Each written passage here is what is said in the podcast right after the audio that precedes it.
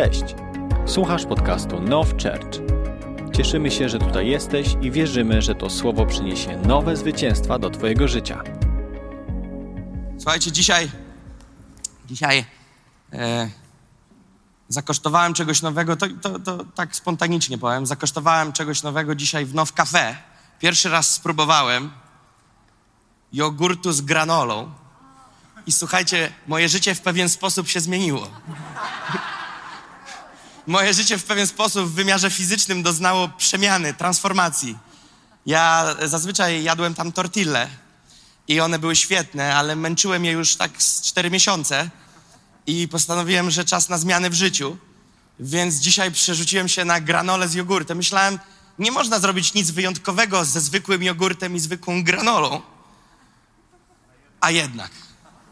A jednak. I to nie jest e, promocja Now Cafe, bo ona sama się broni. E, To jest po prostu świadectwo tego, że jestem e, naprawdę podekscytowany. Wiecie, oni wszystko to robią ręcznie. Oni to robią sami, oni to robią po domach, albo przy- pieczą, pieką ciasta w domach, albo robią to tutaj kilka godzin przed, więc naprawdę świeży pokarm w kawiarni, świeży pokarm ze sceny w duchu. Amen? Wszędzie świeży pokarm. Wróciliśmy, słuchajcie, z Gdańska. Dzisiaj przyjechaliśmy z pastorem Dawidem i Noemi o trzeciej. O trzeciej dotarliśmy. Część zespołu, chyba cały zespół przyjechał jeszcze później. O której przyjechaliście? O której wy tam jechaliście? czwarta? Jakaś czwarta, po czwartej, więc trochę, trochę możemy wyglądać jakby noc do tyłu, e, ponieważ wczoraj w Gdańsku było wydarzenie Przebudzona Północ, ponieważ w maju, 21 maja, mamy ewangelizację na Ergo Arenie. E, O tym powiemy sobie innego dnia, ale wczoraj mieliśmy wydarzenie, gdzie spotkaliśmy się wśród ludzi z kościołów, które współorganizują wspólne wydarzenie taki krok przed tym, co będzie się działo już w maju, więc to był dobry czas. E, Było z nami kilkunastu pastorów z różnych kościołów, którzy współorganizują to wydarzenie, więc mieliśmy czas wspólnego uwielbienia, modlitwy, e, o ten czas słuchania słowa i, i dobry czas się dział. E, I powiem wam, że ten tydzień jest dla mnie bardzo ekscytujący, ponieważ e, w ten czwartek mieliśmy makrogrupę tutaj na tym miejscu. Kto z was był zbudowany? To było naprawdę, y, ja, trochę to zabrzmi niepokornie, ale ja sam byłem zbudowany. Czasami tak jest, że kiedy głosisz, to twoje usta coś mówią, a uszy słuchają i mówisz, wow, serio? E, To jest takie ekscytujące E, i chciałbym wam powiedzieć, że jeżeli ktoś z was z jakichś powodów nie mógł być, to zachęcam do odsłuchania. To prawdopodobnie już za chwilę będzie na YouTubie, więc zachęcam, żebyście odsłuchali. Ale dlaczego to wspominam? Ponieważ e, kiedy się modliłem, e, wiedziałem, że przede mną intensywny tydzień. Czwartek makrogrupa, sobota przebudzona północ, niedziela nabożeństwo, więc zacząłem się już o te trzy spotkania modlić troszeczkę wcześniej, e, żeby to jakoś poukładać. E, I Duch Święty dał, dał dwa tematy. Jeden to ten, który poruszyłem na makrogrupie, a drugi to ten, który wierzyłem, że mam poruszyć w niedzielę na nabożeństwie. Ale kiedy modliłem się później, więc mówię sobie tak, więc już wiem, co będzie na makrogrupie, wiem, co będzie w niedzielę na nabożeństwie, ale jeszcze nie wiem, co będzie w sobotę na przebudzonej północy. I zacząłem się modlić i tak naprawdę zobaczyłem, że im dłużej się modlę o tą sobotę, to wychodzi na to, że to, co ma być w Now Church w niedzielę, ma być też w sobotę w Gdańsku. Więc ja mówię, wow. Ale później, jak tutaj dojechaliśmy do Warszawy, czyli niedawno, o trzeciej, e, to jeszcze miałem chwilę czas, żeby nad tym pomyśleć. E, z Duchem Świętym nie będę udawał, że, że długo, bo niedługo, bo mnie wycięło. Ale dzisiaj rano też wstałem, miałem czas, żeby, żeby pomedytować nad tym wszystkim. E, I się mi to wszystko ułożyło w jedną całość. I, I nawet, powiem wam, nie w moim stylu, nawet Duch Święty dał pomysł na tytuł tego dzisiejszego kazania. Nawet tytuł, słuchajcie. To chyba mój pierwszy raz w historii, albo drugi, e, gdzie będzie tytuł. Tytuł jest jeszcze niedopracowany, bo ja go zobaczyłem, więc spróbuję go teraz wypowiedzieć, ale taką myśl miałem. Perspektywa nieba na życie tu na ziemi. Perspektywa nieba do życia tutaj na ziemi. I teraz nie ukrywam, że się lekko zamartwiam, ponieważ to jest potężne, a czasu jak zwykle jest niewiele. Więc ja będę chciał jak najbardziej brnąć do portu, żebyście zdążyli na kolację. Tak, wiem, już wam się to nudzi.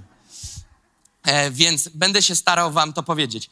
Słuchajcie, e, kto z was latał międzykontynentalnie samolotem? Międzykontynentalnie, czyli za ocean. Za ocean. Kto z was? Śmiało, podnieście rękę. Okej. Okay. Nie wiem, czy wiecie, ale w większości przypadków międzykontynentalnie, żeby lecieć w większości, nie zero-jedynkowo, ale w większości, trzeba lecieć z przesiadką. Mało jest połączeń międzykontynentalnych z Polski, jest kilka, ale generalnie, żeby polecieć gdzieś za ocean, trzeba się jeszcze gdzieś przesiąść w jakimś dużym porcie lotniczym w Europie. Albo to jest Frankfurt, albo Berlin, e, albo Madryt, albo Amsterdam. Różnie to bywa. Czasami trzeba też polecieć na Londyn. Wiem, że to już Europa się kończy, ale żeby się wydobyć tam daleko, to trzeba zahaczyć o jakiś duży port. I ja na przykład jestem maniakiem lotów, powiem wam wprost, i nie tylko tyle, że to lubię, ale się trochę w to wkręciłem, w takim sensie, że ja bym mógł generalnie pracować w biurze, podru- w biur, w biur, biurze podróży. E, ponieważ znam te wszystkie mechanizmy linii lotniczych, wiem dlaczego bilet jest droższy, dlaczego tańszy, jak kupić tańszy i tak dalej, więc wiem o co tam chodzi. E, ja generalnie nauczyłem się, że kiedy jest lot długi, międzykontynentalny, a jeszcze jak lecisz do Australii, to już jest w ogóle kosmos, bo to najczęściej jest Warszawa, y, Polska, później Frankfurt, Niemcy, później jest atak na Singapur, 12 godzin, z Frankfurtu do Singapuru 12, a później z, z Singapuru jeszcze 7 z minutami do na przykład Sydney, więc to można naprawdę wykitować. I jak kupujesz bilet, to są opcje, nie zawsze, że decydujesz o tym, jak długa będzie Twoja przesiadka. To znaczy, że czasami możesz, jak lecisz już i dolatujesz do tego z Singapuru, to później z Singapuru nie jest tylko jeden lot dziennie do Australii, jest ich kilka.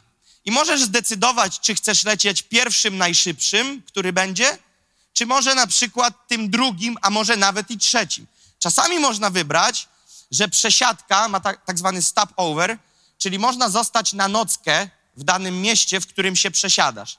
To jest warunek, że nie może to trwać dłużej niż 24 godziny, bo wtedy już się nie nazywa przesiadka, tylko nazywa się no już zakończenie podróży. Więc innymi słowy, przesiadka może potrwać maksymalnie 24 godziny. Moje natomiast przesiadki trwają zazwyczaj, jak latam, ze względu na to, że czasu wiecznie nie ma, godzinę. Ja łapię pierwszy, najszybszy, wysiadam z jednego samolotu, gonię do drugiego i jak już wszyscy mówią last call, ostatnie wezwanie, to jak gdzieś tam na wariata wbiegam i lecimy. Do czego zmierzam? Singapur ma najnowocześniejsze, najwspanialsze i najpiękniejsze lotnisko na świecie. To jest totalny numer jeden. Oni w ogóle mają wodospad na lotnisku. To jest szaleństwo, co tam się dzieje mają wielki park pod dachem, wszystko na lotnisku. To jest wariactwo. Wielu ludzi lata do Singapuru tylko po to, żeby zobaczyć to lotnisko. Bo to jest naprawdę miasto pod dachem, w którym jest wszystko. Tam jest, tam jest basen, można pójść na basen, wynająć normalnie sobie kilka godzin na basenie. Jest hotel na lotnisku, nie przy lotnisku, na lotnisku. Kilka hoteli, baseny, restauracje, fryzjerzy, po prostu to jest jakby miasto pod dachem.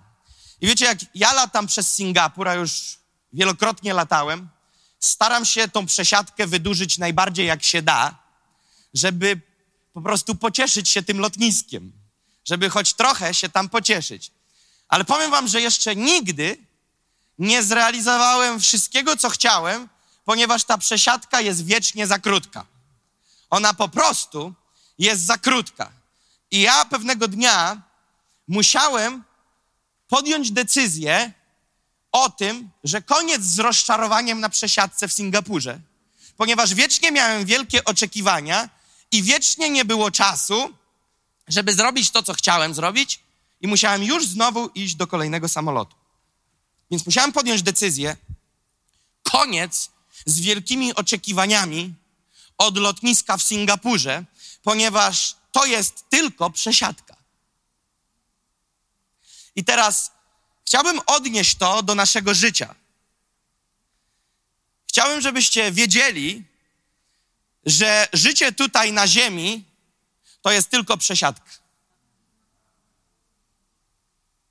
życie tutaj na ziemi jest tylko przesiadką. Jesteśmy tylko przechodniami, Biblia mówi.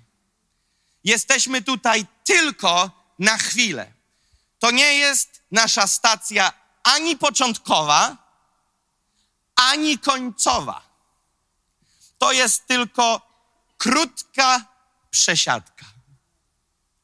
Widzicie, kiedy nie zrozumiesz tego prostego zdania, które właśnie powiedziałem, będzie ci się żyło bardzo ciężko.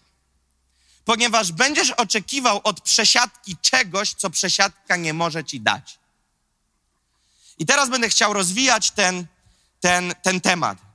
Perspektywa może być albo Twoja na życie, która jest oczywiście zmanipulowana i zimpulsowana przez informacje, które do Ciebie docierają, czyli może być, ale przyjmijmy, że to jest pozytywna wersja, niech to będzie ta Twoja, że to jest Twoja perspektywa na życie, ale aczkolwiek chcę, żebyście wiedzieli, że mało do gadania Ty i ja mamy. Nas bombardują informacje, kształtują nam myślenie na temat perspektywy, ale możesz mieć też Bożą perspektywę na życie. Więc albo jedna perspektywa, albo druga perspektywa.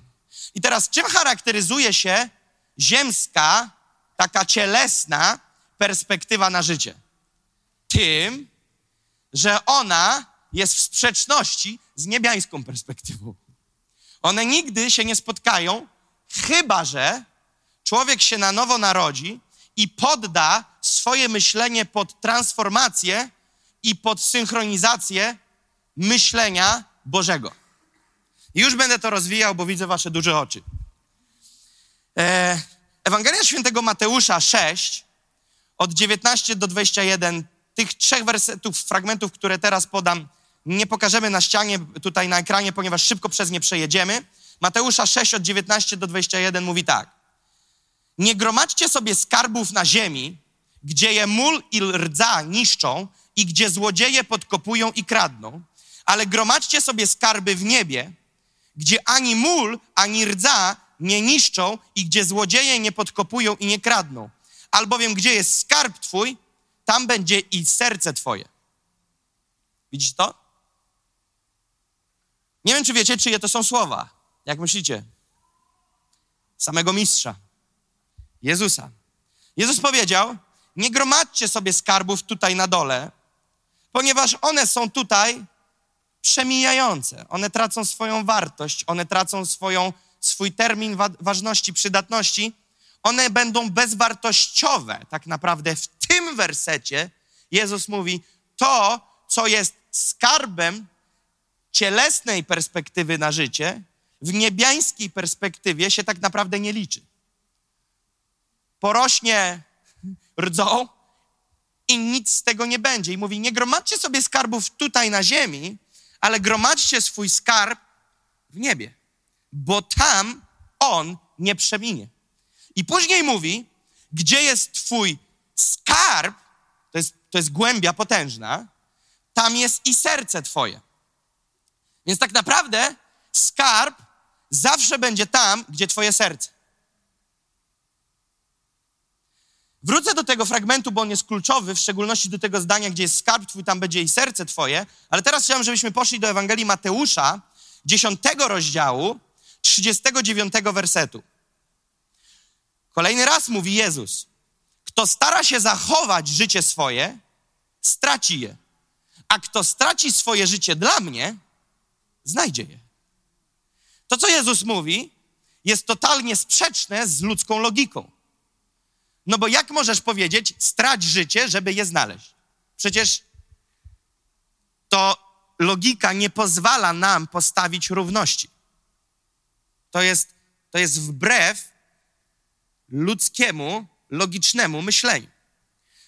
Odniosę się też do jeszcze jednego nielogicznego dla nas przykładu, w którym, kiedy fizycznie jesteś głodny, z każdym kolejnym gryzem twój apetyt maleje, prawda? ponieważ zaspokajasz jedzeniem swój fizyczny głód. Natomiast w duchu, im więcej jesz, tym bardziej stajesz się głodny i chcesz więcej. Widzicie to? To jest szalone. Więc nie wszystko, co nam się wydaje za logiczne, będzie się zgadzało z matematyką nieba. I to jest bardzo ważne, żeby to zrozumieć, żeby, to jest takie na marginesie teraz dodaję, żeby w Twoim życiu nie bazować wiecznie na logice, ponieważ Twoja logika, mogę Ci udowodnić przez godziny rozmów, że będzie w sprzeczności z matematyką nieba. Moglibyśmy opowiadać historię za historiami i byśmy sobie to udowodnili. Więc miejmy to na uwadze. Teraz kolejny fragment. Pierwszy list świętego Pawła do Koryntian, siódmy rozdział, od 29 do 31 wersetu. A to powiadam, bracia, czas, który pozostał, jest krótki. Dopóki jednak trwa, winni również ci, którzy mają żony, żyć tak, jakby ich nie mieli. A ci, którzy płaczą, jakby nie płakali. A ci, którzy się weselą, jakby się nie weselili. A ci, którzy kupują, jakby nie posiadali. A ci, którzy używają tego świata, jakby go nie używali. Przemija bowiem kształt tego świata. Niesamowite wersety. Paweł mówi, Paweł nie mówi, nie miej żony, nie smuć się, nie wesel się, nie kupuj, nie sprzedawaj, nie posiadaj i nie używaj tego, co ma ten świat. Nie, Paweł tak nie powiedział. Mamy się żenić, za mąż wydawać, kupować, sprzedawać, posiadać, dawać i używać. Ale on mówi tak, nadaje tu jakąś, jakąś nową perspektywę. Mówi, jak płaczecie, to tak jakbyście nie płakali. Rozumiesz? Jak się weselicie, to tak spokojnie, tak jakbyście się nie weselili. Jak kupujecie, sprzedajecie, tak jakbyście naprawdę ani nie kupowali, ani nie sprzedawali, ponieważ to wszystko przeminie. Wow. Teraz zobaczcie, że to jest takie na zasadzie, ale że jak? Te słowo jest budzące dla nas. To słowo jest budzące i będę odnosił się do terminologii perspektywa nieba kilkukrotnie podczas tego krótkiego nabożeństwa. Kilkukrotnie, ponieważ my mamy swoją perspektywę i pokażę wam, jak odkryć już teraz, i nie będę czekał do końca nabożeństwa, do końca tego kazania, i zdradzę od razu na początku, a później będę to wyjaśniał, skąd odkryć, jak odkryć, jak dowiedzieć się, gdzie jest Twoje serce. No owszem, no tam, gdzie skarb. No dobrze, ale jak dowiedzieć się, gdzie jest Twój skarb? No tam, gdzie serce. Przestań. Więc jak dowiedzieć się, gdzie jest Twoje serce i Twój skarb? Teraz jest pytanie. Bardzo proste. Jeżeli rzeczy tego świata, albo jeszcze inaczej, jeżeli w Twoim życiu jest totalna antyrównowaga, huśtawka, eksplozja radości i cztery dni dołu, to Twoje serce jest przywiązane do tego świata. Sorry, brutal, ale tak jest. Ponieważ gdyby Twoje serce nie było ulokowane w tym świecie, wtedy bez względu na to, co by się działo, szedłbyś stabilnie. I spływałoby po tobie, jakbyś miał kurtkę z ortalionu. Jakbyś miał skawander. I cokolwiek by się stało pozytywnego w kategoriach tego świata lub negatywnego w kategoriach tego świata, nie zachwiałoby to Twoim sercem. Jak to jest, że ludzie mówią, moje serce jest roztrzaskane? To nie tam jest, gdzie powinno być. Gdyby Twoje serce było zainstalowane, ja mówię docelowo, co fajnie gdyby było. Gdyby Twoje serce było ulokowane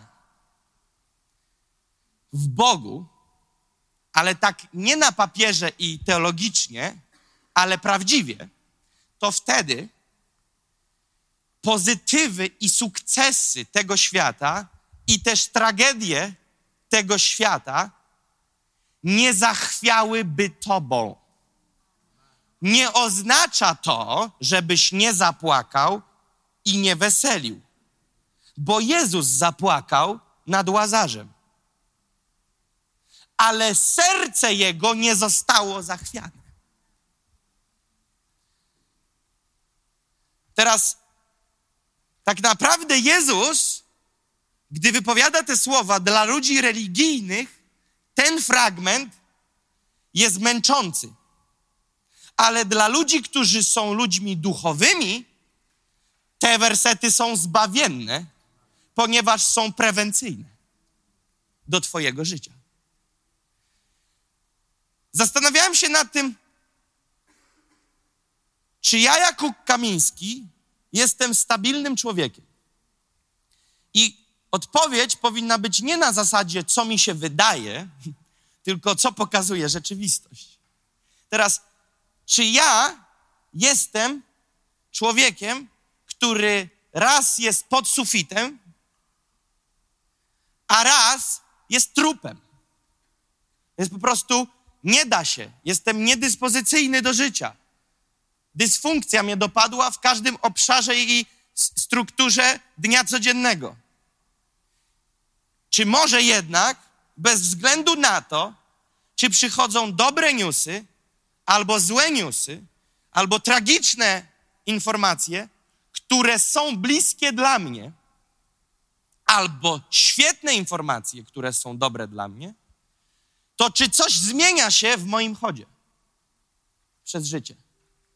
Czy idę do przodu, czy jednak to, co na mnie spada, mnie zatrzymuje? Albo nagle dodaje mi wiatru w żagle. Chcę ci powiedzieć coś, co może dla ciebie być kosmiczną perspektywą na dziś, ale to jest Boża perspektywa, niebiańska perspektywa na życie. Mamy iść niezachwianie. Mamy iść niezachwianie. I dzisiaj ludzie powiedzą, ale to niemożliwe. Zgadzam się z Tobą. To niemożliwe, jeśli Twoje serce jest ulokowane i pokładasz nadzieję w tym świecie. Wtedy jest niemożliwe, ponieważ wszystko w tym świecie jest dzisiaj totalnie rozchwiane. I ba, nawet gdyby nie było rozchwiane, to rzeczywistość duchowa, która panuje, by cię dojechała. Więc ludzie dzisiaj czekają na lepszy dzień. Na co czekają? Czekają na sierpniową noc nad Bałtykiem.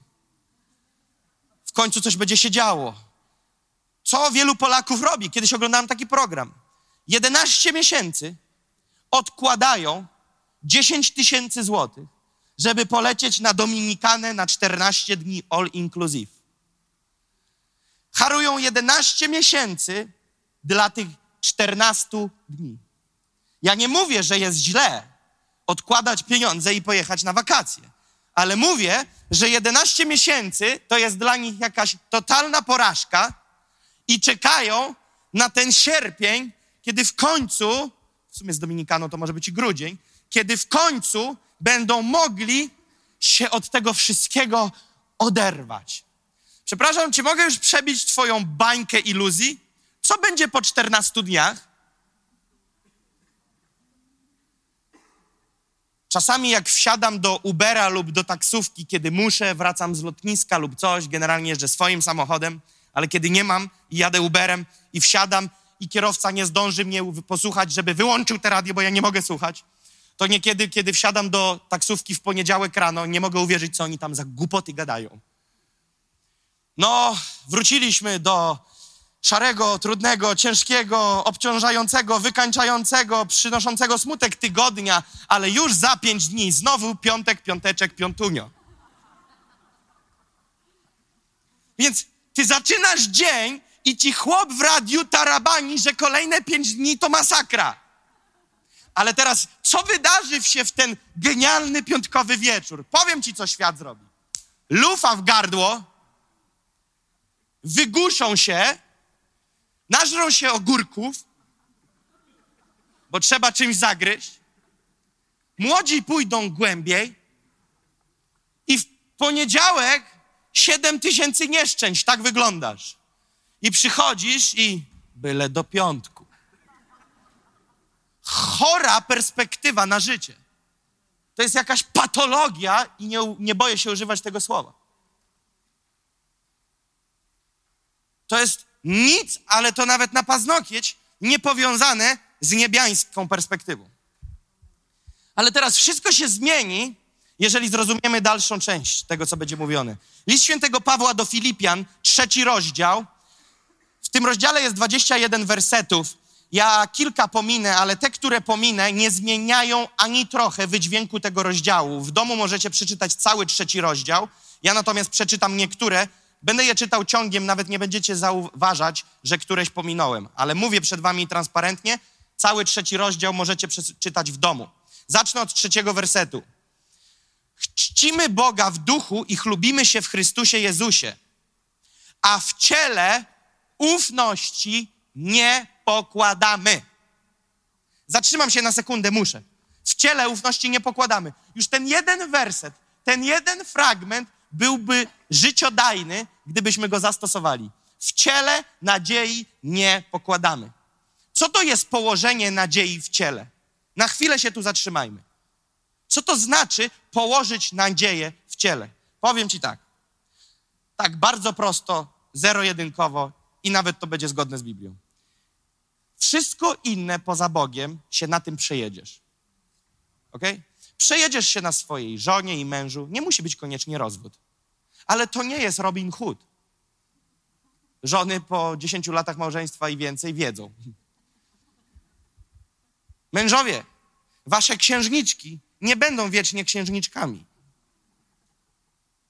Nie będą miały manier księżniczki wiecznie. Drogie singielki, wasze przyjaciółki was zawiodą. Nie muszą was wykiwać na twardo, ale was zawiodą. Dlaczego? Bo są tylko ludźmi. Mało tego, ja nie sprostam waszym oczekiwaniom. Tada!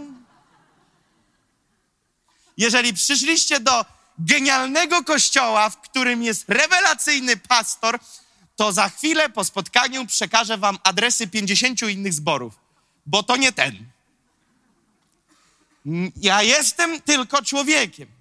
I może masz myśl, że miałeś oczekiwanie, że ja coś w stosunku do ciebie powinienem był zrobić, a nie zrobiłem. To nie znaczy, że celowo będę próbował ciebie zawieść. Ale posłuchaj, każdy człowiek ciebie zawiedzie. I z tym związane jest wszystko, co inni ludzie ci powiedzieli, że dadzą, i to, co dać mogą, ciebie zawiedzie. Nie znajdziesz ani jednej przyjaciółki, której nie zawiedziesz, nie znajdziesz ani jednego przyjaciela, której go nie zawiedziesz i on cię nie zawiedzie. Zawiedziesz się na swoim mężu, żonie, dziecku, ojcu, matce, córce, dziadku, wnuku. A o szefie w pracy nie wspomnę. Szefowie pracy o waszych pracownikach nie wspomnę. To jest rzeczywistość. Ja wiem, że może ciężko wam się to słucha. I nie, mu, nie próbuję powiedzieć, że małżeństwa muszą być do bani. Nie. Nie mówię tego, tylko mówię, że jeżeli mamy oczekiwania, potężne oczekiwania, że ten oto człowiek mnie nie zawiedzie, żyjesz w bańce iluzji i twój upadek będzie wprost proporcjonalnie bolesny do wymiaru twojego zaufania tej osobie. Czy masz nie ufać ludziom? Nie, nie do tego piję. Mamy ufać ludziom, bo jeżeli nie będziesz ufać ludziom, no to po tobie. Tylko co innego jest komuś ufać, a co innego wtarabanić się ze swoim sercem do kogoś. No to mam nie kochać swojej żony sercem? Musimy to tak komplikować? Nie. Jezus powiedział, pilniej niż wszystkiego innego strzeż swego serca, gdyż z niego tryska źródło życia. Oznacza to, że Jezus musi być tam, gdzie największy procent Twojego serca jest ulokowany. Gdziekolwiek indziej jeszcze Twoje serce jest ulokowane, wtedy im więcej Twojego serca w czymś lub w kimś jest, jeżeli tam się zatrzęsie, Twoje serce się zatrzęsie. Przecież to jest proste. Jesteś połączony. Jeżeli 10% Twojego serca przylgnęło do Twojej psiapsiółki i Twoja psiapsiółka odwali numer, to zgadnij, co się dzieje. Ta lina, którą jesteś powiązany, jak ona odejdzie, ona tą linę pociągnie i wyrwie ci 10%. Dlatego młodzi ludzie, którzy zakochują się w sobie nawzajem i oddają 110% siebie, kiedy ta druga połówka odwali numer, ludzie idą do parku i po temacie. Się po prostu wieszają, bo serce wyrwało z bebechów. Wszystko wyszło, nie zostało nic, dziura. Dlatego na starcie, na pierwszym spotkaniu z moją żoną, kiedy wiedzieliśmy, że już to zmierza w stronę związku, nie małżeństwa, związku, powiedziałem: Sara, zróbmy deala, ty nigdy nie będziesz pierwsza. A ona powiedziała: To jest znakiem potwierdzenia, ponieważ modliłam się, że mój mąż powie takie słowa.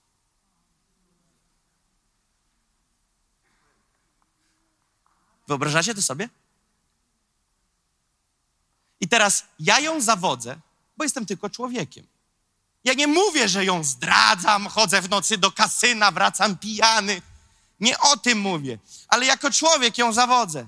Prosiła mnie tego dnia, nie kombinuj już z kolejnym wyjazdem na spontanie. Zostań, musimy nadrobić czas z rodziną, to, tamto, siamto. Dobrze. I nagle się coś odpala, ja coś kombinuję, znowu znikam i Sara mówi, ale przecież mówiłeś. Więc staram się coraz mniej takich ruchów robić. Oczywiście nie robię tego celowo, złośliwie, ale pokazuję wam, otwieram przed wami karty. Każdy z nas jest tym, który nie sprosta oczekiwaniom drugiej osoby. Więc to tak na bazie Filipian 3:3. Nie pokładaj w ciele ufności. I teraz czwarty. Chociaż ja mógłbym pokładać ufność w ciele. Paweł mówi, wy nie, ale ja mógłbym. Teraz co dalej? Jeśli ktoś inny sądzi, że może pokładać ufność w ciele, to tym bardziej ja. Obrzezany dnia ósmego, z rodu izraelskiego, z pokolenia Beniaminowego, Hebrajczyk z Hebrajczyków, co do zakonu faryzeusz, co do żarliwości prześladowca Kościoła, co do sprawiedliwości opartej na zakonie, człowiek beznagany. Jak możesz tak o sobie powiedzieć? Ale to był Paweł. Człowiek beznagany. Ale teraz kontynuuję, nie pomijam wersetu, tu jest ciągłość, ale wszystko to, co mi było zyskiem, uznałem ze względu na Chrystusa za szkodę. Lecz więcej jeszcze, wszystko uznaję za szkodę wobec doniosłości, jaką ma poznanie Jezusa Chrystusa, Pana mego, dla którego poniosłem wszelkie szkody i wszystko uznaję za śmiecie, żeby zyskać Chrystusa. Bracia, ja o sobie samym nie myślę, że pochwyciłem, ale jedno czynię. Zapominając o tym, co za mną i zdążając do tego, co przede mną. Zmierzam do celu, do nagrody w górze, do której zostałem powołany przez Boga w Chrystusie Jezusie. Wielu bowiem z tych, o których często wam mówiłem, a teraz także z płaczem mówię, postępują jak wrogowie krzyża Chrystusowego. Końcem ich jest zatracenie, Bogiem jest ich brzuch, a chwałą to, co jest ich hańbą. Myślą bowiem o rzeczach ziemskich. Naszą zaś ojczyzną, nasza zaś ojczyzna jest w niebie, skąd też Zbawiciela oczekujemy, Pana Jezusa Chrystusa, który przemieni znikome ciało nasze w postać podobną do uwielbionego ciała swego, tą mocą, którą też wszystko poddać sobie może. Moja reakcja była taka sama jak wasza, kiedy pierwszy raz to przeczytałem. Na zasadzie, wow. Czytałem ten rozdział kilka razy, żeby zrozumieć, co tam się dzieje. Paweł napchał tyle informacji w tym rozdziale, że głowa wybucha. Nabił tyle, że szok. Więc ja spróbuję to bardzo szybciutko streścić. Będę robił co mogę, żeby wy, żebyście mogli wyjść. No. Bo jak gdybym mógł, szczerze, moje pragnienie jest naprawdę, gdybym podłączył się do jakiegoś ekranu i żebyście zobaczyli prawdę w moim sercu, to jest taka, żebym mógł wam mówić do 19. Naprawdę. To Bóg mi świadkiem, że ja bym tutaj wyprół z siebie siódme flaki, żeby dać wam 100% tego tematu, na ile ja go mam. Ale nie jestem w stanie, bo nie możemy. Ale na ile pozwolicie, na tyle wam dam. Więc teraz co Paweł mówi? Paweł mówi, nie pokładamy ufności w ciele. Natomiast jeżeli mówimy już o pokładaniu ufności w ciele, to hipotetycznie, to jest ważne. On mówi hipotetycznie, bo to trzeba zrozumieć ciąg tej historii. Hipotetycznie, jeżeli mówimy o pokładaniu ufności w ciele, mimo że nie powinniśmy, to jeżeli chodzi o położenie ufności w ciele, to ja jestem przykładem tego, że ja bym mógł, ponieważ moja pozycja, tytuł, wpływ, wiedza, wykształcenie są takie, jak praktycznie nikogo innego. Więc z punktu widzenia ludzkiego, Paweł mówi, moja pozycja po ludzku pozwala mi zbudować na samym sobie to przekonanie, że jednak ja mogę temu zaufać. Bo wiesz, jeżeli ci się nic nie udaje w życiu, no to łatwo jest, łatwiej jest uwierzyć, jestem do niczego. Ale kiedy masz tytuł za tytułem, na ścianie brakuje miejsca na dyplomy, ludzie na mieście cię znają, przypomnijmy, bo Paweł kim był? Paweł miał układy w rządzie, Paweł miał układy w wojsku, Paweł był człowiekiem wpływowym, ponieważ kiedy postanowił zatrzymać ruch chrześcijan, który się rozwijał i jechał do Damaszku, żeby zamknąć, poszedł do kapłana, poszedł do wojskowych i dostał stu wojowników pod mieczem. Nie możesz wejść sobie z ulicy do armii i powiedzieć: Dzień dobry, ja idę zatrzymać pewien rozruch w mieście, dajcie mi setkę ludzi. Po pierwsze, ty się nawet tam nie dostaniesz. Więc to znaczy, że jak on z wolnej stopy sobie wchodzi, to gość jest gość. Gość ma pozycję w mieście, to znaczy, że na ulicach mu się kłaniali. Mówi, co do wykształcenia, panie i panowie, to ja jestem faryzeusz. Nie wiem, czy rozumiemy, co to znaczy faryzeusz w tamtym czasie. To był gość, który miał doktoraty. Faryzeuszem było się, jeżeli miałeś torę w paluszku. O drugiej w nocy cię wybudzili i ty byś klepnął ją od tyłu. Od tyłu byś ją zacytował. Faryzeuszem, żeby być, to trzeba wykuć na pamięć. Wszystko. Więc Paweł mówi, jeżeli chodzi o mnie i o ufność w ciele, to ja mógłbym. Jednak mówi, nie pokładam i to wszystko uznałem za szkodę wobec doniosłości, wobec poznania Jezusa Chrystusa. I o tym mówi w siódmym wersecie, że uznałem wszystko za szkodę. Przeczytajmy i teraz możemy pokazać werset siódmy i werset ósmy, jeżeli to jest. Ale wszystko to, co mi było zyskiem, uznałem ze względu na Chrystusa za szkodę. Lecz więcej jeszcze, wszystko uznaję za szkodę wobec doniosłości, jaką ma poznanie Jezusa Chrystusa, Pana mego, dla którego poniosłem wszelkie szkody i wszystko uznaję za śmiecie, żeby zyskać Chrystusa. I tu mnie zastanawia, pomyślcie sobie, że jesteście w, przy biurku Pawła, kiedy on to pisał. Wyobraźcie sobie, że stoicie nad jego biurkiem, kiedy jest pisany ten list. Jest pisany werset siódmy, w którym Paweł mówi, jak możemy to pokażmy, cały czas nie będzie wyświetlone. Wyobraźcie sobie, że on pisze. Wszystko, co mi było zyskiem, uznałem ze względu na Chrystusa za szkodę. A później pod spodem mówi znowu szkodę, ale w ostatniej linijce, przedostatniej mówi uznaję wszystko za śmiecie. No to uznałeś wszystko za szkodę czy za śmiecie, więc użyj gumki i zetrzyj albo śmiecie, albo szkodę. Wybierz jedno, no bo więc co Paweł tu robi? Paweł tego nie wyciera, Paweł nie rezygnuje z jednej z opcji i Paweł tak naprawdę pokazuje nam, jaki był jego ciąg myślenia. Mówi, uznałem to wszystko za szkodę, ale kiedy napisał, uznałem za szkodę, uznał, że wyraz szkoda nie oddaje dostatecznie tego, czym jest wszystko inne i postanowił podbić poprzeczkę w górę i dopisać, uznaje wszystko nie tylko za szkodę, ale już za śmiecie. On postanowił docisnąć klamrę i pokazać, że sam wyraz szkoda nie w pełni odzwierciedla to, czym są dla niego te wszystkie rzeczy tego świata. I teraz ja pogrzebałem trochę w Grece i postanowiłem, że zajrzę do Greki, jakie zostało użyte słowo w tym siódmym wersecie, jeżeli chodzi o zysk. Bo Paweł mówi, wszystko, co było mi zyskiem, uznałem ze względu na Chrystusa za szkodę. Więc musimy sprawdzić, co on miał na myśli, mówiąc zysk. I okazuje się, że kiedy jest słowo zysk, to w oryginale w Grece jest użyte słowo kordos. A kordos oznacza wszystko, z czego czerpałem korzyść, wszystko, co przynosiło mi korzyść. Więc Paweł mówi tutaj, wszystko, z czego czerpałem korzyść, wszystko, co przynosiło mi korzyść, uznałem ze względu na Chrystusa za szkodę. Widzicie to? Teraz ten, ten wyraz zysk nabiera głębi, nabiera znaczenia. On mówi, wszystko, co przynosiło mi korzyści, uznałem za szkodę. I wtedy postanowiłem, że zajrzę w Grece, co za słowo zostało użyte jako szkodę. I okazuje się, że szkodę jest użyte słowo zemia. To jest greckie słowo zemia. I tak jak wiecie, Paweł, jak stał na, jakbyście stali nad tym biurkiem, to on nie pisał po polsku. Wiecie o tym? On pisał po grecku. I teraz słowo, które użył, to nie było szkoda, to była zemia.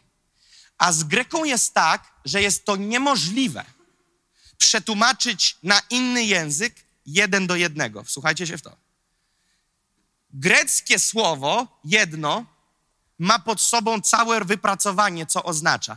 Tak jest skonstruowany grecki język. Jedno słowo oznacza wiele. U nas jedno słowo oznacza jedno słowo. U nich natomiast jedno słowo kryje za sobą całe myślenie i ekspresję. Więc bibliści, ci, którzy też tłumaczyli, mieli duży problem. Dlaczego?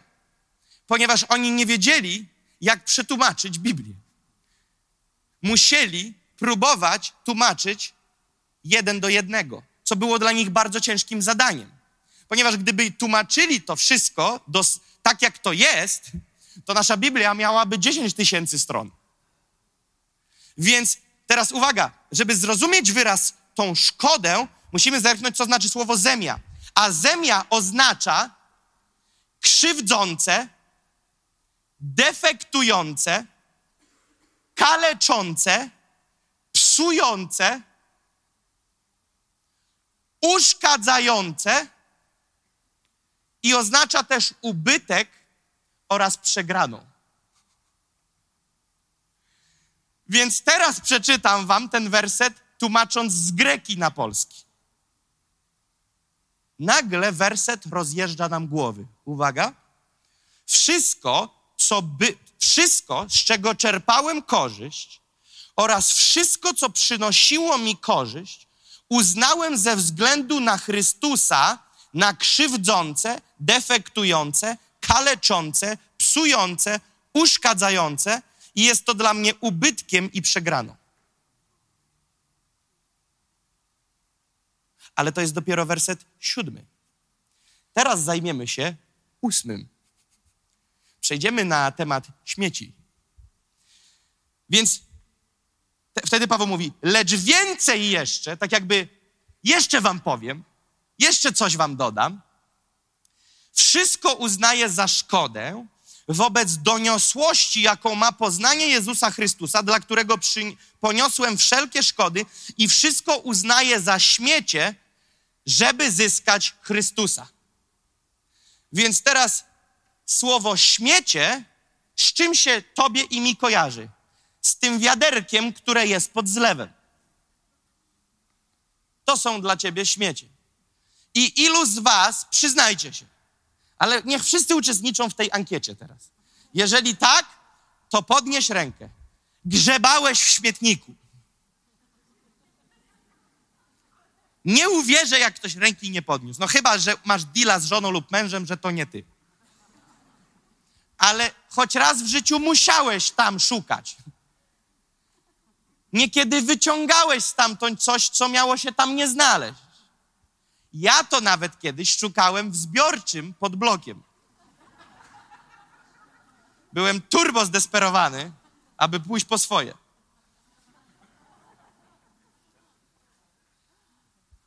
I zaraz tak sobie myślisz, Paweł mówi, wszystko uznałem za śmiecie, czyli ten niebieski lub czarny worek, który trochę tam śmierdzi i zawiązuje się i wyrzuca. My tak to widzimy. Ale kiedy on użył słowa śmiecie, to użył słowa skybalon. Syky, y, by, aly, ony. Skybalon. I okazuje się, że słowo skybalon, greckie słowo skybalon, jest użyte w Biblii tylko raz. Wiele greckich słów jest użytych wielokrotnie w Biblii, ale słowo skybalon zostało użyte tylko raz w Biblii. Paweł, nie wiem czy wiecie, on zapisał największą część Biblii. Nikt nie zapisał tyle, co on. Wiele słów greckich, których używał, powtarzają się dziesięciokrotnie. Ale tu wyciąga jeden wyraz, który używa tylko raz. I to jest wyraz skybalon. Ponieważ skybalon oznacza odchody zwierzęce. Skybalon oznacza odchody zwierzęce, rzeczy bezwartościowe, które są obrzydliwymi. Bum.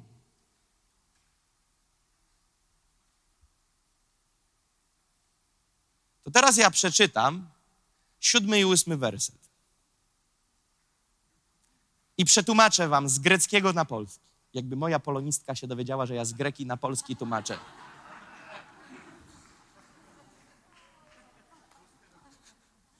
Ona by zemdlała.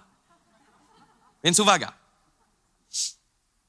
Wszystko, z czego czerpałem korzyści i wszystko, co przynosiło mi korzyści, uznałem ze względu na Chrystusa na krzywdzące, defektujące, kaleczące, psujące, uszkadzające i jest to dla mnie ubytkiem i przegraną. Lecz więcej jeszcze, wszystko uznaję za szkodę wobec doniosłości, jaką ma poznanie Jezusa Chrystusa, dla którego poniosłem wszelkie szkody i wszystko uznaję za odchody zwierząt, które są totalnie bezwartościowe i są dla mnie obrzydliwe. To wszystko, żeby zyskać Chrystusa. Paweł próbuje powiedzieć nam coś szalonego. Paweł nie słyszał tych trzech wersetów, które wam przeczytałem na początku, to, to, to teraz będzie jazda. Te trzy fragmenty, które wam czytałem, o tym, gdzie mól i rdza i tak dalej, żeby nie gromadzić skarbów na ziemi, te trzy miejsca, żeby kupować jak nie kupować, sprzedawać jak nie sprzedawać. Kiedy Jezus to mówił, to Paweł był ślepy duchowo. Pawła nie było przy Jezusie, kiedy Jezus mówił te słowa do uczniów. Słuchajcie tego. Teraz to widzę, dopiero teraz. On tego nie słyszał, ale kilka chwil potem, nie słysząc tego, żyje tym. Wiesz dlaczego? Jak to się stało? My chcemy być posłuszni literze, którą czytamy. Posłuszeństwo opiera się w naszym życiu o przepisy, których jesteśmy świadomi. Nie można jeździć na czerwonym, to wtedy nie jadę. Do kościoła wypada przyjść przed 11, nie po 11. Wiemy. Opieramy się o to, co usłyszeliśmy i wiemy. Ale Paweł nie usłyszał tych słów, ani też nie przeczytał tych wersetów, ponieważ to, co jest napisane w tych trzech fragmentach z Ewangelii, było pisane na bieżąco, ale Paweł nie miał tego wszystkiego, bo Paweł był jeszcze za górami, za lasami. Paweł jeszcze się nie nawrócił. Ale później, nie do końca będąc świadomym, co za słowa Jezusa spisał Marek, Jan, Łukasz, Mateusz, nie będąc świadomym tego, co oni spisali, on pisze o tym samym, ale schodzi już głębiej. Bo to, co jest w Marka, Mateusza, Jana, Łukasza, to nie jest objawienie tych czterech. To są spisane słowa i cuda Jezusa przez tych czterech, ale to nie są ich objawienia.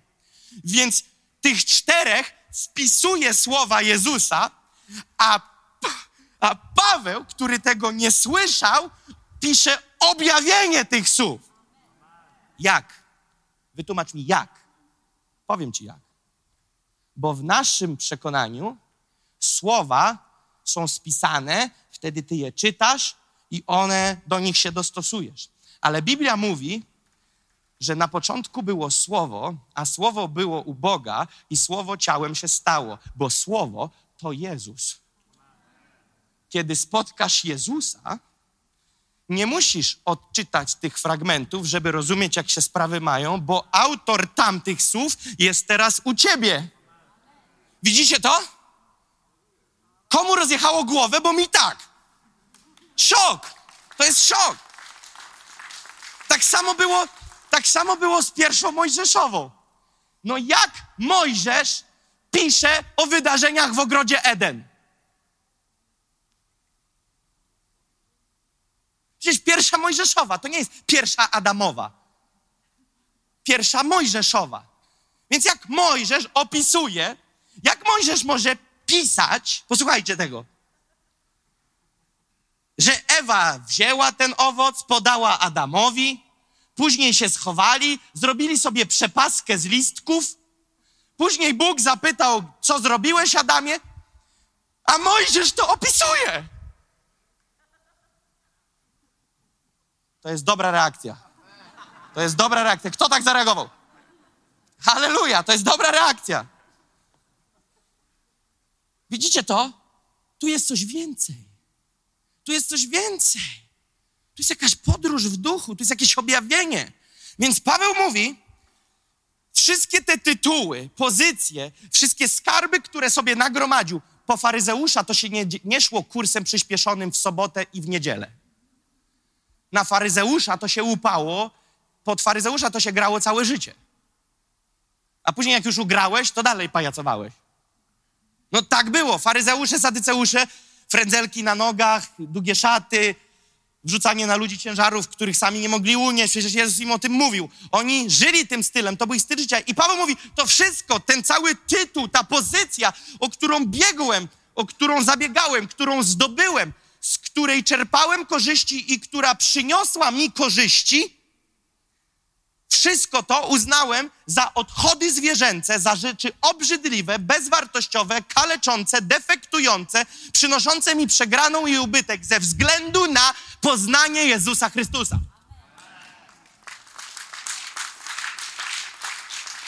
I ta perspektywa dla ludzi, którzy nie poznali Jezusa, jest odrażająca.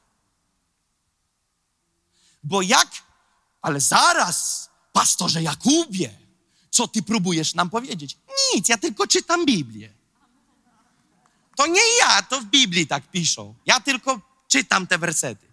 To nie ja próbuję powiedzieć, to Duch Święty nam mówi przez to, co zapisał Paweł, że tak naprawdę co Duch Święty chce uzyskać przez to? Nie to, żebyśmy znienawidzili żonę, bo Bóg mówi, Jezus mówi, że Biblia mówi, że tak jak Jezus umiłował Kościół, oblubieniec oblu, ob, ukochał oblubienicę, tak samo mężowie kochajcie swoje żony. Więc Bóg nie mówi do nas, znienawidź, niech ona będzie dla ciebie obrzydliwa. No nie. On mówi tu o czymś innym. Paweł tak naprawdę w tej historii, kiedy punktuje te cielesne rzeczy, Teraz jest objawienie. On nie skupia się na nich. On nie próbuje powiedzieć, jak te rzeczy są złe. On próbuje tą historią pokazać, jaką chwałę ma Jezus. Religia skupia się na tym, co złe, co nie można, co trzeba, co należy, co nie wypada. Ale nasze chrześcijaństwo biblijne mówi: zwróć swój wzrok na Jezusa. Dlaczego? Więc jak to jest, że Paweł za coś, za czym biegnie całe swoje życie, oddaje całą swoją energię, nagle mówi, to wszystko jest bezwartościowe. Jak on mógł takie coś powiedzieć? Coś się zmieniło względem tych rzeczy? Te rzeczy zbrzydły? Nie. Kiedy ujrzał, bo on mówi, wobec doniosłości poznania on nie mówi samo to w sobie jest złe, ale on mówi tak. Teraz parafrazuję na nasz XXI wiek i dodam trochę jeszcze swojego słownika. Czyli to już nie XXI wiek. Mówi, słuchajcie, to wszystko są czadowe rzeczy. Mało kto może się dopchać do takiej pozycji. I ja za tym biegłem, bo cały świat tak biegnie. Ale był pewien moment, Paweł mówi, kiedy ujrzałem Jezusa, kiedy poznałem Jezusa, kiedy zobaczyłem Jego chwałę, dostoj, dostojny jaki jest, chwalebny, pełen majestatu, wtedy nagle, kiedy odwróciłem swój wzrok do tych rzeczy ziemskich, względem Ciebie stały się jakby bezwartościowe. Nie ciągnie mnie już tam. Nie ciągnie już mnie tam. Tam już nic nie ma. Nagle coś, za co oddajesz życie, nagle mówisz, to nie jest tego warte.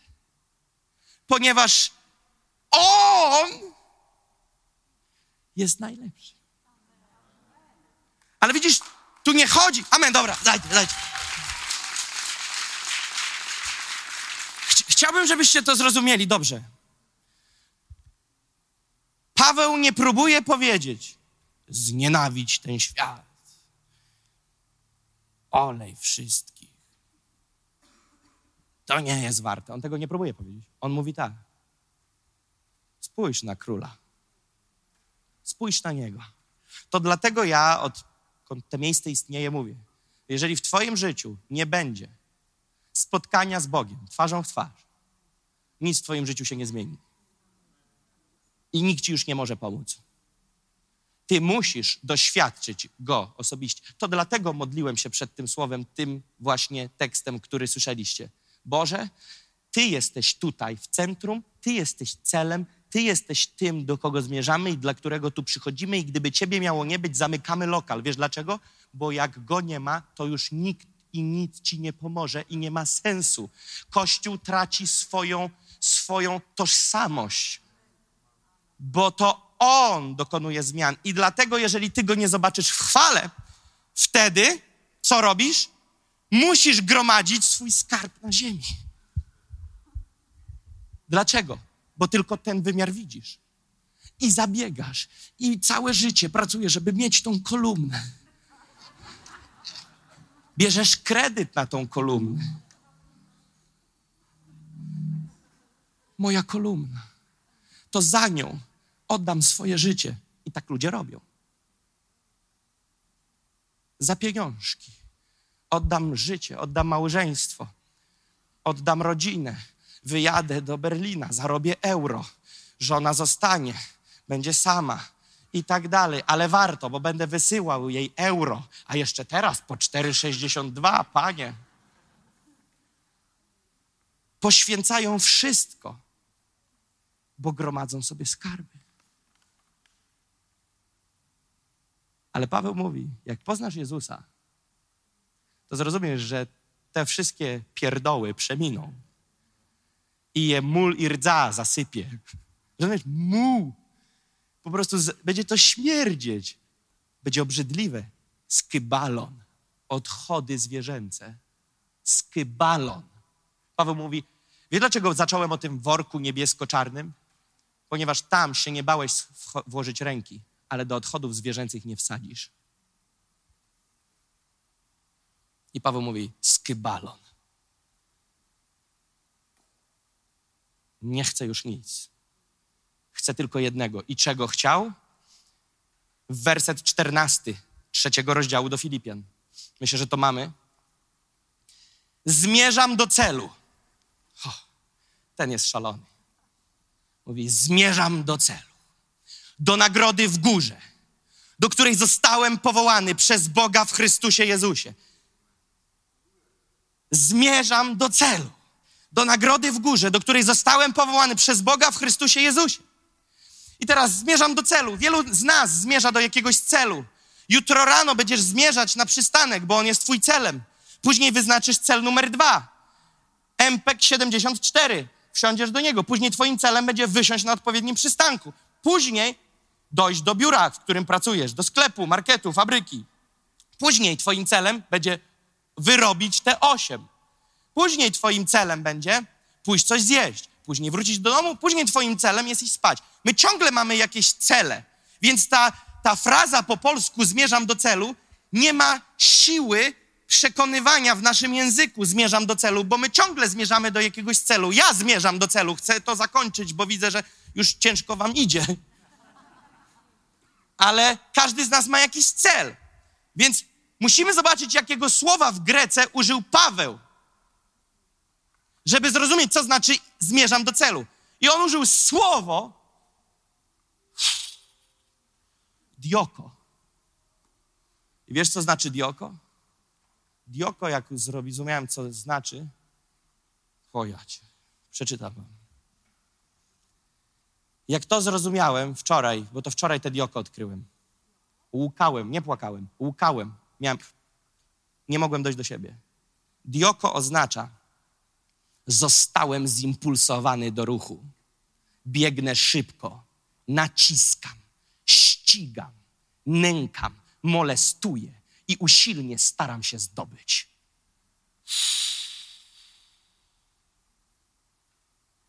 Ten gość poszedł daleko.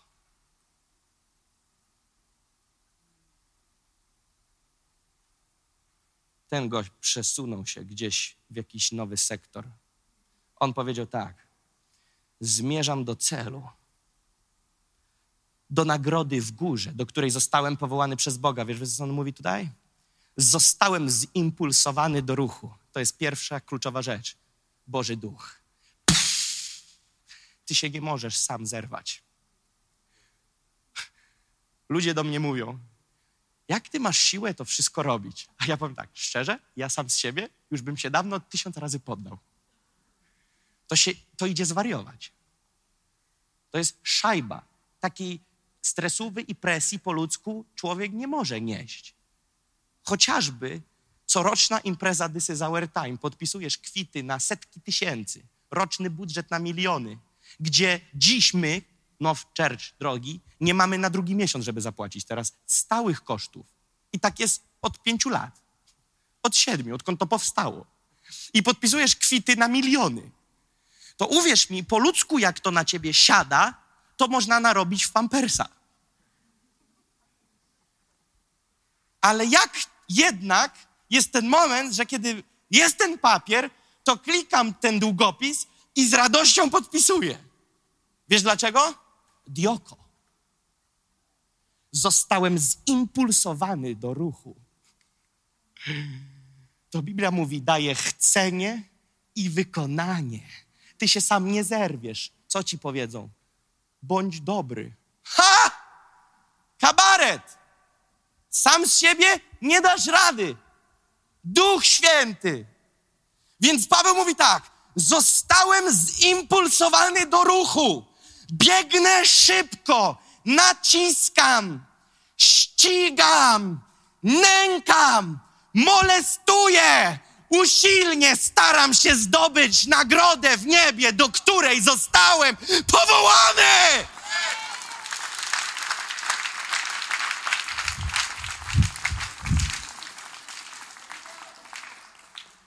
Gość miał jakieś, jakieś napęd 4 na 4 On miał jakieś odrzutowe paliwo. Nie da się tak żyć jak on. Nie da się, on po prostu pchał, pchał, pchał. I ty myślisz sobie, ile jeszcze możesz pchać, chłopie? A on dalej, dalej i dalej. Wiesz dlaczego? Dioko. Dioko. Potrzebujemy dzisiaj dioko. Potrzebujemy dioko. I co on dalej mówi? I werset dwudziesty. Nasza zaś ojczyzna jest w niebie, skąd też Zbawiciela oczekujemy, Pana Jezusa Chrystusa. On mówi, nasza zaś ojczyzna jest w niebie. Kiedy powiedział słowo ojczyzna, w Grece użył słowa politeuma. A politeuma oznacza obywatelstwo. On powiedział: Moje obywatelstwo nie jest tu jakieś rzymskie, daj sobie spokój. Moje obywatelstwo jest w niebie. Tam jest mój dom. Nie tu, tam jest mój dom. I jesteśmy już na końcu.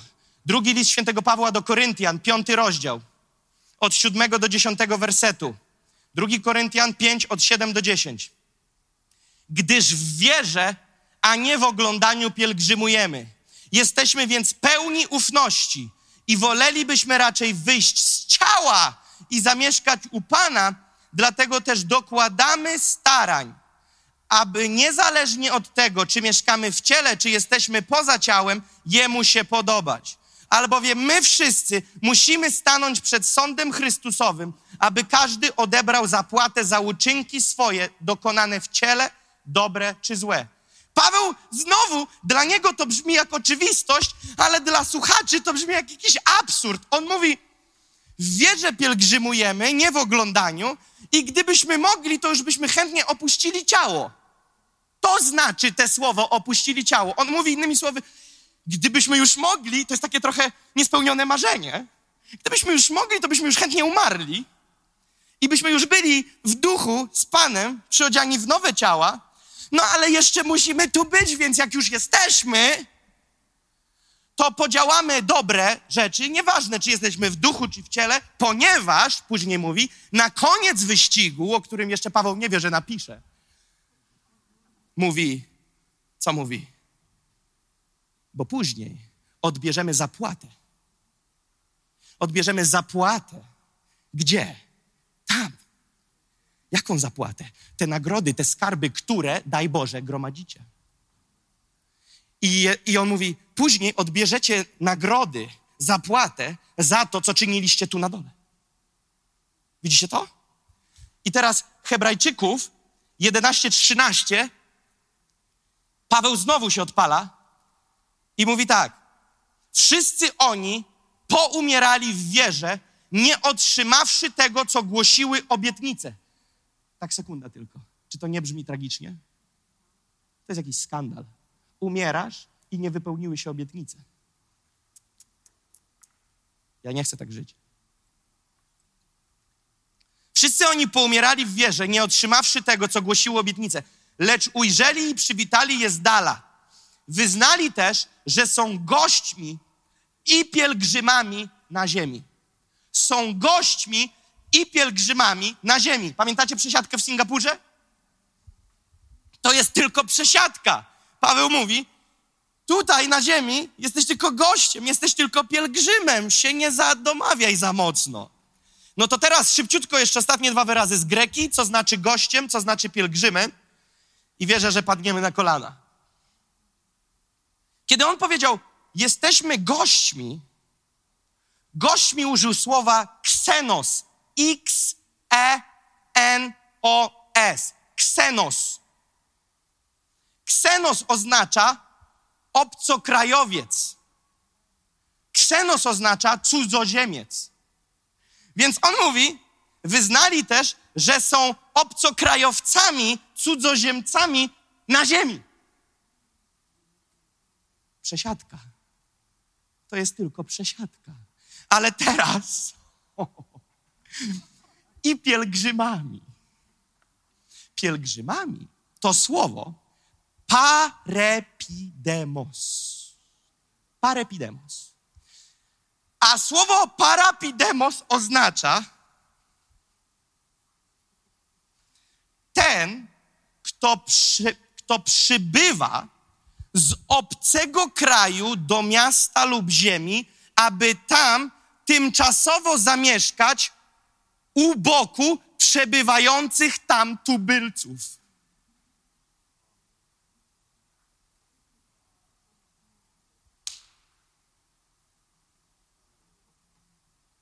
O nie.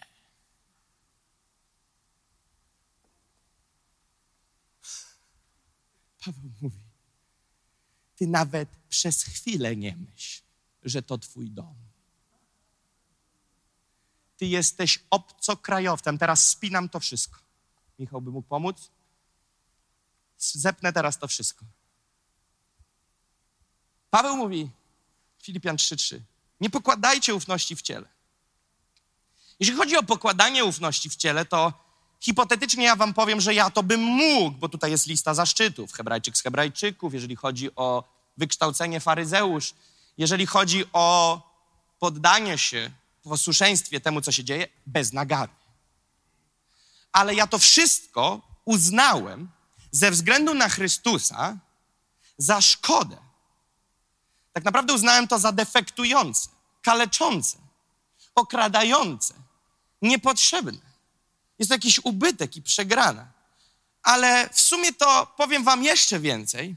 Uznałem to wszystko za skybalą. Uznałem to wszystko za odchody zwierzęce, za coś, co jest totalnie bezwartościowe i wręcz odrażające, wstrętne ze względu na poznanie Jezusa Chrystusa. I to nie jest tak, Kościele, że ja chcę, abyście znienawidzili te rzeczy. Ja chcę po prostu, żebyście zrozumieli, że jak ujrzysz Go, nie masz już do czego wracać. A później mówi, tak naprawdę, to tutaj na ziemi, to my jesteśmy tylko gośćmi, pielgrzymami, ponieważ nasze obywatelstwo nie jest polskie, ukraińskie, gwatemalskie, wenezuelskie, białoruskie, hiszpańskie, ekwadorskie. Jeszcze Bóg wie, kogo mamy. Wymieniłem wszystkich, którzy są na sali u nas. Niemieckie i czeskie. Boże, jaki kościół. I mówi, tak naprawdę obywatelstwo wasze nie jest tutaj ziemskie, to jest tylko kwit. Wasze obywatelstwo jest w niebie i tak naprawdę to kościele dioko. Zmierzaj do celu, napieraj, naciskaj, biegnij szybko. Niech zimpulsuje cię duch do ruchu. Naciskaj, biegnij, zwariuj, zostaw wszystko, idź po nagrodę, do której zostałeś powołany w Jezusie Chrystusie, bo, bo tak naprawdę ze względu na Niego, to ja już bym chciał nie żyć, żeby być w chwale. Ale ze względu, że jeszcze trzyma mnie w ciele tu na dole, to jeszcze tu na dole muszę działać wciąż z tą perspektywą. Ponieważ nie będę odkładać sobie skarbów i ich gromadzić tu na ziemi, ponieważ one zostaną pokryte mułem, one zostaną pokryte rdzą, one zniszczeją, one są bezwartościowe. Ale gromadźmy swój skarb w niebie, tam, gdzie nie przeminie, gdzie ma prawdziwą wartość, wartość wieczną. I później mówi, a tu na dole jesteśmy tylko cudzoziemcami. Jesteśmy przybyszami z innego kraju, którzy zostali tymczasowo ulokowani tu na dole, aby zamieszkać pomiędzy tymi tubylcami. O, chcę tego. I wtedy, jak przełączysz się na ten styl życia, wiesz, co się stanie? Jesteś niezniszczalny. Cokolwiek ci powiedzą, cokolwiek się nie stanie. Ktokolwiek, wiem, że to jest już wariactwo, ktokolwiek ci nie umrze, i tak go zobaczysz. I nagle diabeł mówi: Mamy kłopot. Mamy tutaj zawodnika Dioko. Kościele, ustaw w swoim życiu cel, że zaczniesz żyć nową perspektywą. Przestaniesz gromadzić swój skarb tu na dole, ponieważ on nie ma żadnej wartości. I poddasz wszystko pod stopy Jezusa. Poddasz wszystko i każdy inny cel ziemski stanie się drugoplanowy, a najważniejszym dla ciebie stanie się bieg po nagrodę. Bieg po nagrodę. I czym ten bieg po nagrodę się charakteryzuje? Niezwykła miłość do ludzi, współczucie do ludzi, cierpliwość do ludzi. Każdemu z nas tego brakuje. Ale wiesz co? Jak możesz patrzeć na Niego i odbić coś innego? Więc nagle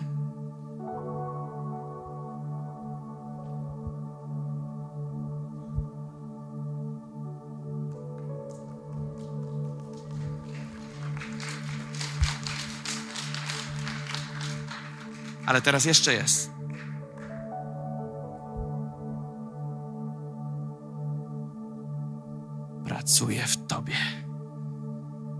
To, co jest napisane w Starym Testamencie o Saulo, nagle stał się jakby innym człowiekiem. Nie było już Saula. Zniknął a on się objawił. Całe stworzenie z tęsknotą oczekuje objawienia się synów i córek Bożych.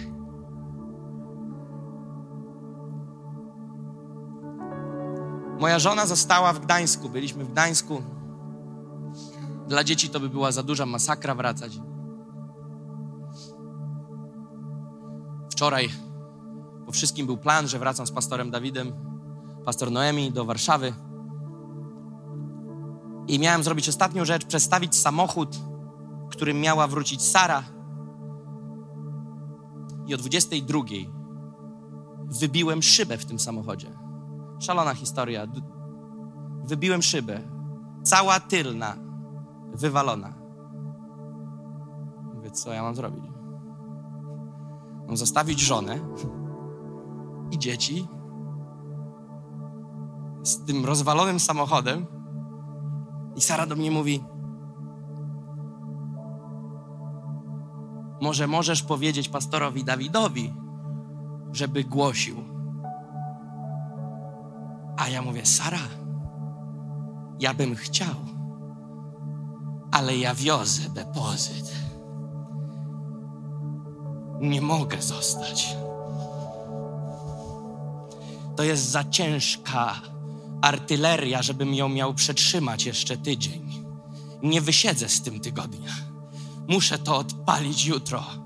Mówię, ale to może coś wymyślimy. Ja mówię, Sara, ja ci wszystko załatwię. Załatwię ci ludzi, którzy ci pomogą, załatwię ci wszystko, załatwię ci samochód, załatwię ci, ogarnę ci od A do Z. Ale ja nie mogę zostać. Mówi, okej, okay, jedź. I przyjechałem tu, a dzisiaj rano jak się obudziłem, wie, znowu te dioko. I mówię, Boże, gdybyśmy wszyscy zarazili się dioko, rozrąbaliśmy byśmy tą Warszawę dla Chrystusa w siedem dni. W siedem dni. W siedem dni. W siedem dni. W siedem dni.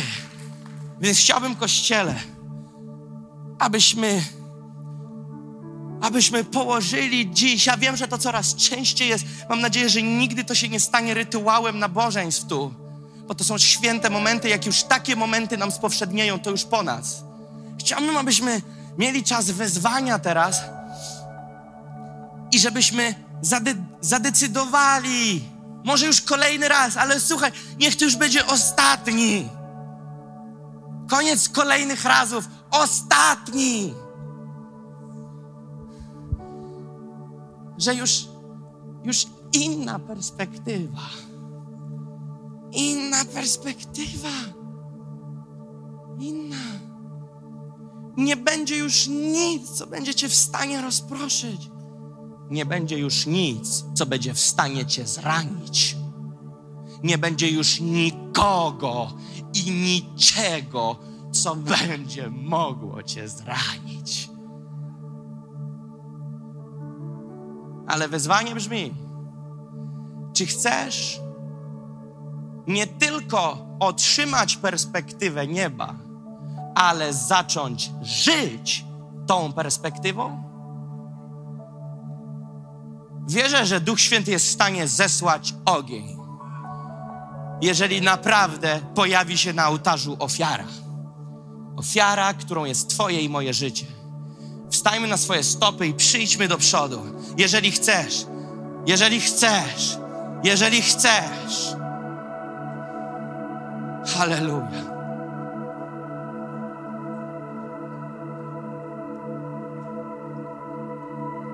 Niech nikt nie zostaje w korytarzach, dlatego że korytarze muszą być udrożnione do przejść. Przesuńmy się tu do przodu. Z korytarzy przechodźmy na boki.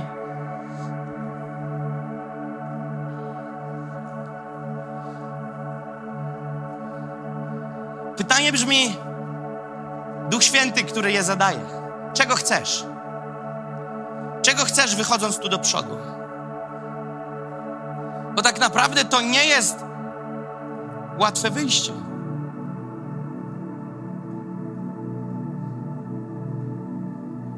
Czy jesteś gotowy powiedzieć skybalon na wszystko, co było wartościowe?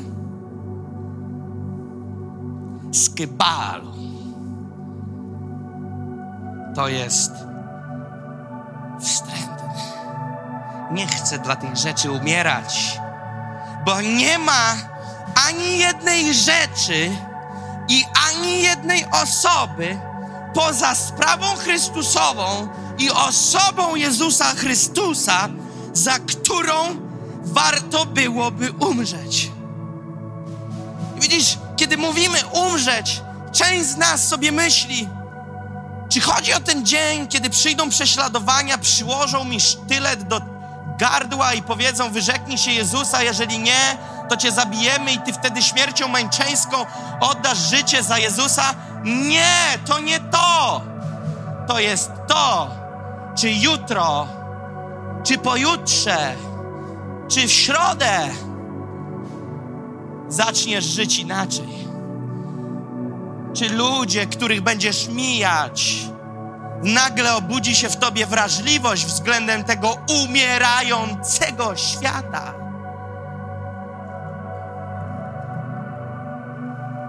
Czy w czwartek znajdziesz czas dla swoich braci i sióstr na najbliższej grupie? Czy w piątek uda ci się wygospodarować czas na wieczór uwielbienia? Bo mówisz, umieram dla Pana, ale nie mam czasu. Nie. Kiedy umierasz, na ołtarz rzucasz wszystko. Twój czas, Twoje plany. Wiesz, co znaczy rzucić Twoje plany? Znaczy, że one już nie istnieją. A nawet jak są, to kiedy wstajesz rano, mówisz: Boże, mam plan na ten tydzień, ale on się guzik liczy, jeżeli Ty go masz zamiar modyfikować. Guzik się liczy, czy wywaliło mi szybę w samochodzie. Guzik się liczy, czy ciągam nosem i bym chętnie został pod kołdrą, ponieważ wiem, że ja jestem żywą pochodnią. Jeżeli ja odpuszczę, to i inni odpuszczą. Jeżeli ja zwątpię, to inni zwątpią. Jeżeli ja zwietrzeję jako sól, to kto, że mnie nasoli? Kościele, zacznijmy wołać. Zacznijmy wołać. To powinna być totalna rzeźnia teraz. O, sato korere benesure le rebenesaja. O, oh, sure rebenesatore rebenesatore rebenesure le rebenesaja. O, re le reane sanore. Ore le reane kore le reane satore. Are le reane sanore. Ore le reane satore. Ore le reane kore le rebenesatore. Oh, Shabro berelere le lere benessaia. Ore abbassatore lere le lere benessaia. Oh, uscire lere benessaia lere le lere benessaia. Oh, yes, oh, amore. Oh, yes, oh, amore. Dotki swój kościół, Panie. Oh, Panie, Panie. Panie, Panie, obudź nas, obudź nas, obudź nas, Panie.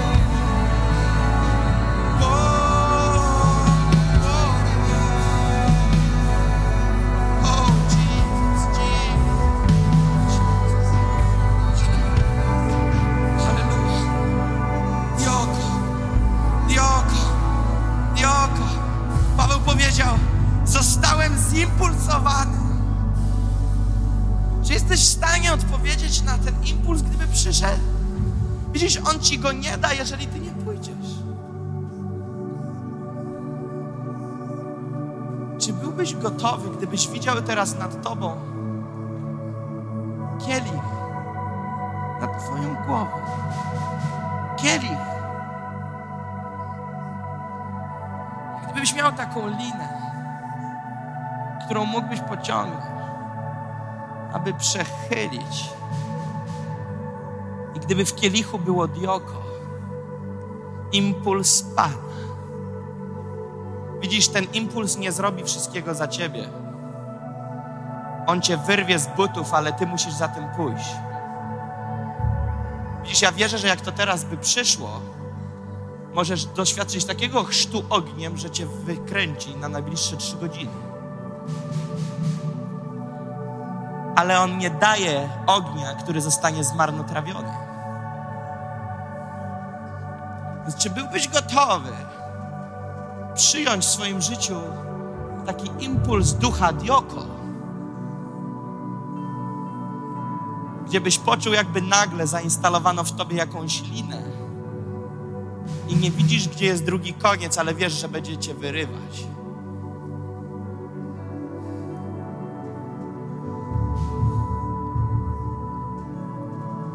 Umrzyjmy, Kościele.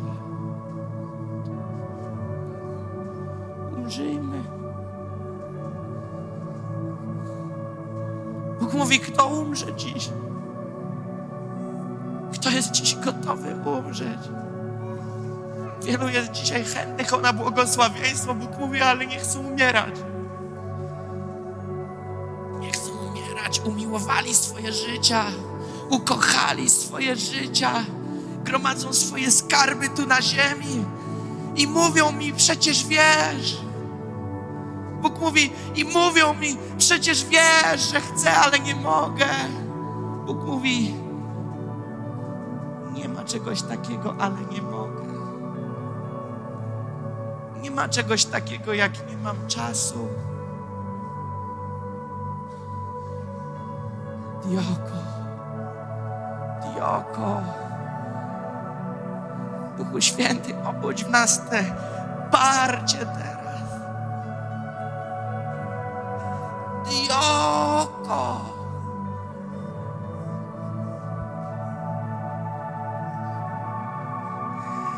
Panie. Panie. Panie. Dioko. Poproś go. Powiedz, Panie, czas na rewolucję.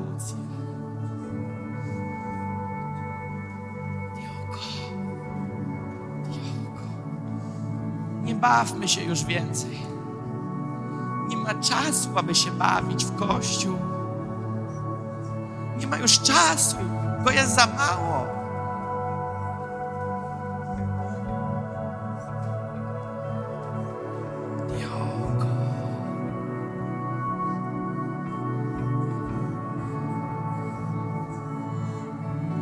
Zostałem zimpulsowany do ruchu. Biegnę szybko naciskam, ścigam, nękam, molestuję, usilnie staram się zdobyć. Zostałem zimpulsowany do ruchu. Biegnę szybko, naciskam, ścigam, nękam, molestuję, usilnie staram się zdobyć. Zostałem zimpulsowany do ruchu. Biegnę szybko, naciskam, ścigam, nękam, molestuję, usilnie staram się zdobyć. Panie, poślij do nas Dioko! Poślij, Panie, poślij, obudź nas, Duchu Święty. Żar, żar, żar,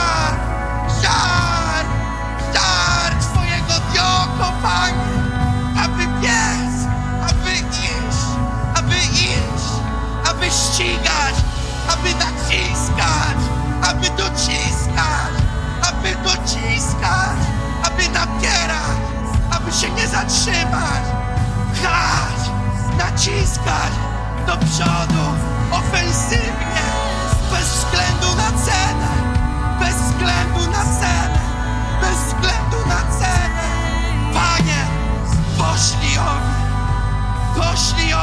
ogień,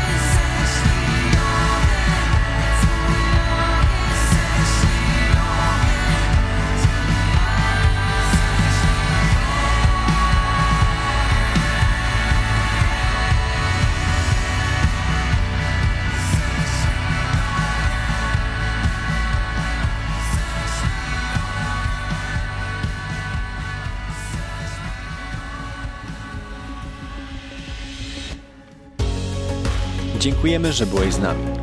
Jeśli chcesz dowiedzieć się więcej o naszych działaniach lub nas wesprzeć, zapraszamy Cię na www.nationsonfire.org ukośnik nowchurch.